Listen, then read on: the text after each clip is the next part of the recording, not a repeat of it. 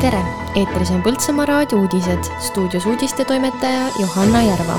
kahekümne kolmandal juulil toimub Kamaris supifestival. kiriku taastamine viieteistkümnendal juulil.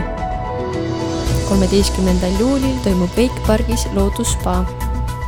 täna lõpetab Põltsamaa raadio oma tegevuse kahekümne kolmandal juulil toimub Kamaris Haridusseltsi majas esmakordne supifestival. supifestivali idee autor on Indrek Geensalu, kelle sõnul kõnetab toit kõiki ja meie kodukohas ei ole veel toidufestivali. suppe valmistavad ja pakuvad erinevad meeskonnad toimub publiku lemmiku supi valimine. meeskondadele antakse võimalusi suppe teha ka kohapeal. päeva jäädvustab Ave Nahkur ja üleval on ka Ave Nahkuri tööde näitusmüük. päeva juhib Tanel Talve. kella neljast esinevad Naised köögis, kell seitse Simman, Väikeste lõõtspillide ühing ja Udo bänd. tavapiletid eelmüügis kaheksa eurot, kohapeal kümme eurot. eelkooliealised lapsed tasuta räägib Indrek Geensalu. ühesõnaga igaüks võib tulla, valmistada endale meelepärase või enda oskustele või mis iganes kriteeriumide all supi, sest parima valib rahvas selles mõttes, kes seal on.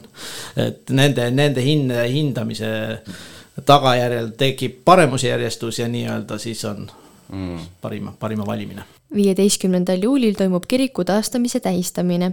üritus algab kirikus kõnekoosolekuga, kus räägivad president Alal Karis, Tartu Ülikooli rektor Toomas Asser, peapiiskop Urmas Viilma ja Põltsamaa vallavolikogu esimees Reet Alev.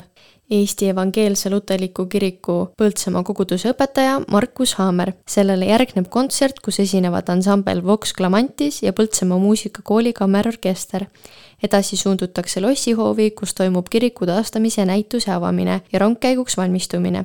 üritus jätkub rongkäigus Roosisaare poole väikeste näitemänguliste vahepeatustega. Roosisaarel toimub lõpetuseks ühisloomine. kolmeteistkümnendal juulil toimub Wake pargis loodusspa. Iluhoolitsuste seanss asub järve ääres, glamping telgis.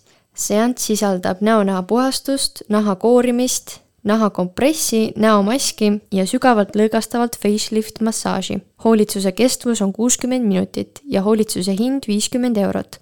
kellaajad hoolitsuseks kella kümnest kuni kella seitsmeni. aega broneerida ja lisaküsimusi küsida saab emailil loodushing at gmail punkt kom täna, kaheksandal juulil on Põltsamaa raadio tegevus selleks korraks lõppenud. Põltsamaa raadio oli eetris kaksteist päeva, programm oli väga sisutihe ja jääb järelkuulatavana poltsamaaraadio.ee lehele üles, kommenteerib programmijuht Samuel Aksel Maikalu. kõige suurem edasiminek eelmistest hooaegadest on tõenäoliselt see, et kui varasemalt olime eetris hooaja vältel ainult ühe nädala, siis seekord olime juba pea kaks nädalat me oleme väga rõõmsad, et äh, Põltsamaa inimesed on meid niimoodi rõõmuga vastu võtnud ja loodame ka, et meid ikka tulevikus oodatakse oma kõrvadesse